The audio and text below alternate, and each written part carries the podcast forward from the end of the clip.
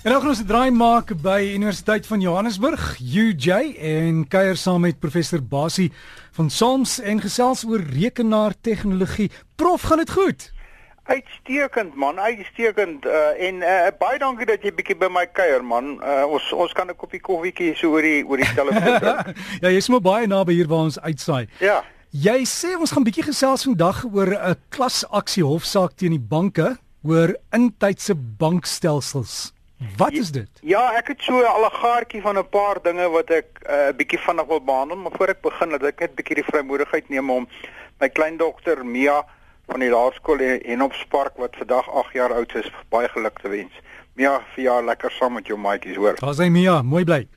Derek, ja, jy sal onthou, oor jy sal nou nie onthou nie, want jy was nou nie heel waarskynlik nie op daai stadium nou die die die die die, die middelpunt gewees uh, van die gesprekke nie. Maar verlede jaar het ons al begin praat oor die kwessie van 'n klasaksie. En verskeie uh, uh, luisteraars het my gekontak wat geld verloor het en gesê maar wat kan hulle doen en ons het met daai frustrasie gedeel. Maar daar is 'n prokureur in die Kaap wat begin het op daai stadium. Dis nou al meer as 'n jaar gelede. Wat begin het en kliënte begin kontak het en van die luisteraars wat my gekontak het, ek het hulle inligting ook maar vir hom deurgestuur en hy het die idee gehad dat hy dink en ek en hy het nogal wat daaroor gesels dat die banke bietjie moet moord wegkom in baie gevalle en dat 'n mens se slag half so 'n toetsaak moet begin. Hy het 'n toetsaak begin uh met 'n met een of twee kliënte en, en die bank het geskik voor die saak verder kon gaan. Nou het ek Sondag verneem in die koerant en ek het met hom ook gepraat daarna dat hy nou 20 redelik baie uh, kliënte wat redelik geld verloor het, hier van 'n miljoen rand of meer en lyk my hulle gaan nou die saak verder vat. So al wat ek wil sê is hou die saak dop en ek weet ek weet daar's baie van die luisteraars wat daar sit wat 100 000 rand of 50 000 rand of wat ek al verloor het en en wat hierdie saak hou hierdie saak met fok oop dop want as hierdie ding en ek hoop regtig dat hierdie ding deurgaan tot 'n tot 'n amper 'n jy weet 'n stok in die sand steek. 'n uh, 'n berigbrekende hofsaak om dit so te stel wat rigtinggewend is vir Suid-Afrika, want ons het dit nodig. Hmm. Ek dink regtig bankkliënte, luisteraars word uh, onregverdig behandel. En kom ons hoop hierdie hofsaak gaan deur. Ek ek glo hy sal en ek glo ons gaan 'n uh, 'n uh, hofsaak kry en 'n uitspraak kry wat almal ten goeie gaan wees. Ja, prof, ek weet in Amerika in een of twee van die state daar was daar al sake wat ook teen die banke gemaak is in die finansiële instellings wat hulle gewen het en die banke moes daar duisende rande terugbetaal aan hulle kliënte. O ja, daar's geen twyfel aan nie. Daar's geen twyfel aan dat as hierdie saak die pad loop soos wat ons hom nou hoop hy gaan loop, eh, gaan dit regte grondverskuivend wees in Suid-Afrika, want jy gaan teruggaan en dan kan die luisteraars wat nou daar sit en jy weet so 'n bietjie begin voel maar miskien miskien is iets aan die kom ehm um, mag mens dan die saak verder vat, maar hierdie hierdie is regtig 'n saak wat ek dink ons moet dophou en jy's reg, daar is presidente dwars oor die wêreld. In Suid-Afrika het ons nog elke slag net eenvoudig uh het het het die banke tot tomate weggekom daarmee. En hmm. en wat dink ek mense ongelukkig maak is baie van die kliënte het werklik werklik waar geen aandeel gehad in die ding nie die kiberrot is net eenvoudig te slim vir hom. So, kom ons hou hierdie spasie dop. Ja, uh prof en jy weet as dit op eie doen, iemand het eendag vir my gesê die finansiële instellings het genoeg geld om altyd te wen. As jy 'n klasaksie doen, beteken dit almal kom saam en jy doen dit dan so en dan dan jy beter kan. Jy's reg, dis die ja. hele idee hier. Daar's geen manier wat jy met jou 100 000 of jou 150 000 rand wat jy verloor het, 'n bank kan gaan aanvat. Jy vergeet dit. Maar hierdie juist die een van 'n klasaksie wat half nie nie 'n bietjie vreemd is vir Suid-Afrika. Ja. Maar die hele idee almal gooi bietjie geld by en ons gaan groot en ons kry van die beste prokureurs. Kom ons aan dop.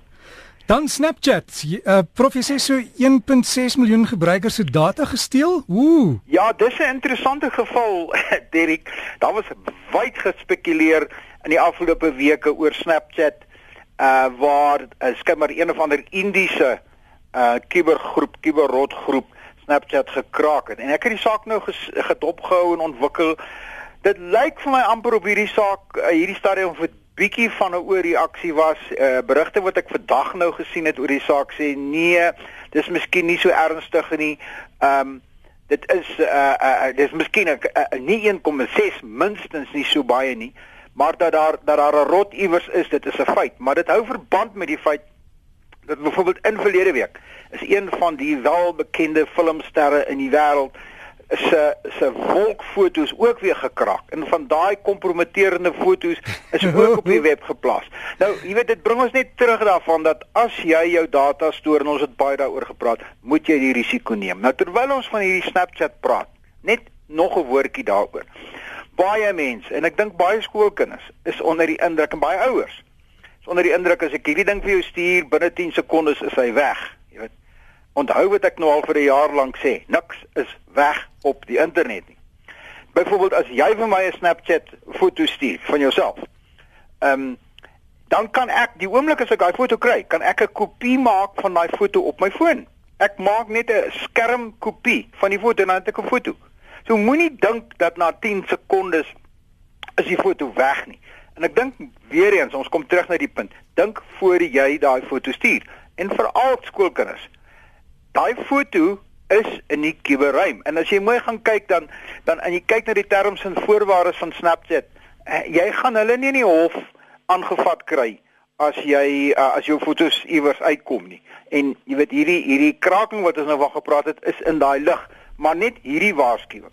As jy weet, as jy dit gebruik, as jy weet van iemand wat dit gebruik, as jou kind dit gebruik, praat hier oor, dink hier oor en wees bewus daarvan niks niks raak weg in die inter, in die kuberruimte nie. Bestuur van wagwoorde vir die internet? Ja, hierdie saak is nogal interessant. Uh ek het ook 'n e-pos gekry van 'n persoon wat sê, "Hoerie, jy moet asseblief help. Ek het soveel wagwoorde. Ek het soveel stelsels wat ek moet in. Dit is my my my aanlyn boodskappe. Dit is my e-pos. Dit is my dit en my dat. Ek het 5, 6, 7, 8, 9, 10 verskillende stelsels. Dit is my sosiale netwerk. Dis hier, daar en die ander ek ek kan net nie meer bybly nie en dit is 'n ernstige saak as jy nie meer kan bybly nie dan weet jy later nie meer nie. Dan begin jy dit goed neerskryf en dan begin jy dit goed op jou foon dra en jou foon word gesteel en al sulke tipe dinge. Ek wil net 'n paar woorde sê oor die konsep van 'n 'n wagwoordbestuurder. In Engels 'n password manager. En daar's verskeie wagwoord bestuurders beskikbaar as toepassings wat 'n mens in die kuberruim kan gebruik. En die hele gedagte daar agter is dat jy genereer byvoorbeeld nie vir jou Facebook ehm um, profiel 'n wagwoord nie. Veronderstel jy registreer nou en jy jy gebruik nou hierdie wagwoordbestuurder, hierdie toepassing van jou. Dan sal jy nou vir hom sê hoor hier een van die uh, stelsels waarby ek wil aanteken is Facebook. Dan sal hy vir jou 'n wagwoord genereer. 'n Baie lang wagwoord, 'n moeilike een. Regtig een wat jy nooit sal onthou nie. Sê 15, 20, 25 karakters lank werklik wat ook die kiberrot as die kiberrot daai wagwoord wil kry deur gewone uh brute krag sal hy hom nooit kry nie. Met ander woorde, jy lys in die wagwoordbestuurder, lys jy al die stelsels waartoe jy wil toegang hê. En hy genereer vir jou daai sleutel, daai lang toegangswagwoord sleutel. Nou, wanneer jy wil aansluit na jou Facebook toe, dan gaan jy dan sluit jy aan, skakel dan skakel jy aan na jou wagwoordbestuurder toe en jy sê vir hom ek wil na Facebook toe gaan, dan vat hy daai lang wagwoord wat jy het en hy gaan vul hom vir jou op jou Facebook profiel in. En en nou is jy veilig. Nou weet ek. Hierdie klomp bemagtigde luisteraars van RSG daar buite gaan nou onmiddellik sê, dis alles goed en wel. Klink baie goed. Maar hoe kom ek by daai wagwoordbestuurder uit? En dit is waar.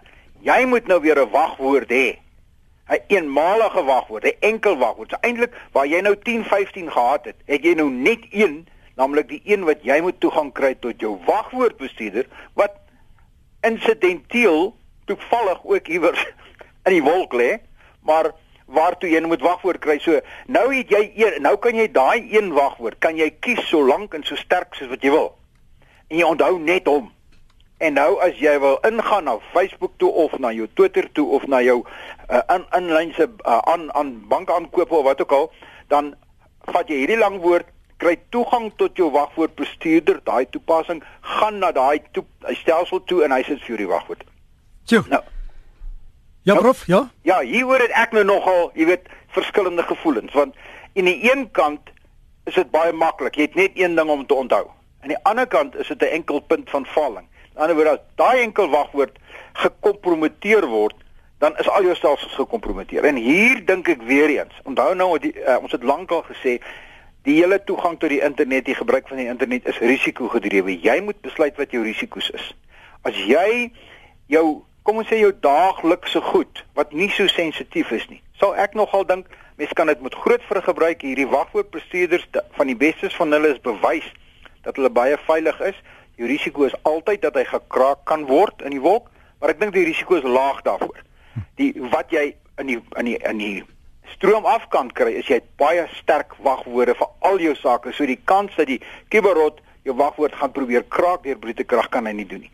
As jy nou hierdie een wagwoord baie goed kies en dit hoef nie net 'n wagwoord te kies nie, dit kan 'n hele sin wees. Jy kan 'n sin uh, jy kan Moses 3 vers 16 gebruik as as as dit in jou Bybel is. Dit kan jou wagwoord wees. So uh, ja, daar's voordele in en daar's nadele in. Al wat ek vir die luisteraars wil sê is gaan dink hieroor. Gaan kyk of dit die lewe vir jou gaan makliker maak, maar wees ook net versigtig. Dit is nie 'n silwer koel soos ons altyd sê nie. Hy het beide kante. Hy gaan die lewe makliker maak, maar hy mag jou risiko verhoog. Prof en ek sien die tyd haal ons in uh, ons sal volgende keer gesels net ons het laas gepraat oor die rotte wat weet van jou bankrekening. Hoe weet jy hoeveel geld het jy? Kan ons volgende week daaroor gesels? Ja, ja, ja ek ek dit dis daai e-pos wat wat jy ja. gekry het van van 'n luisteraar wat jy vir my gestuur het. Ons gaan definitief daaroor praat want die hele kwessie van binnehandel op die op die aandelebeek praat hulle baie keer van binnehandel. Ou weet wat gaan die aandeleprys weer aan koop by daarvan. Uh, hierdie gebeur ook. Een van die grootste risiko's in in rekenaarstelsels in in die wêreld is die binnepersoon wat weet wat daar aangaan en wat daai inligting verkoop of beskikbaar stel. Ek dink dis 'n baie goeie onderwerp vir ons volgende gesprek en 'n volgende een wat ons oor gaan gesels is 'n hele nuwe benadering tot die internet. Ek dink dit gaan baie interessant wees. Prof baie dankie en alles van die beste en sterkte en hou maar ook jou rekenaar veilig daar prof is prof Basie van Soms van Universiteit Johannesburg gaan loer by cybersecurity.org.za. Daar's 'n klomp inligting daar.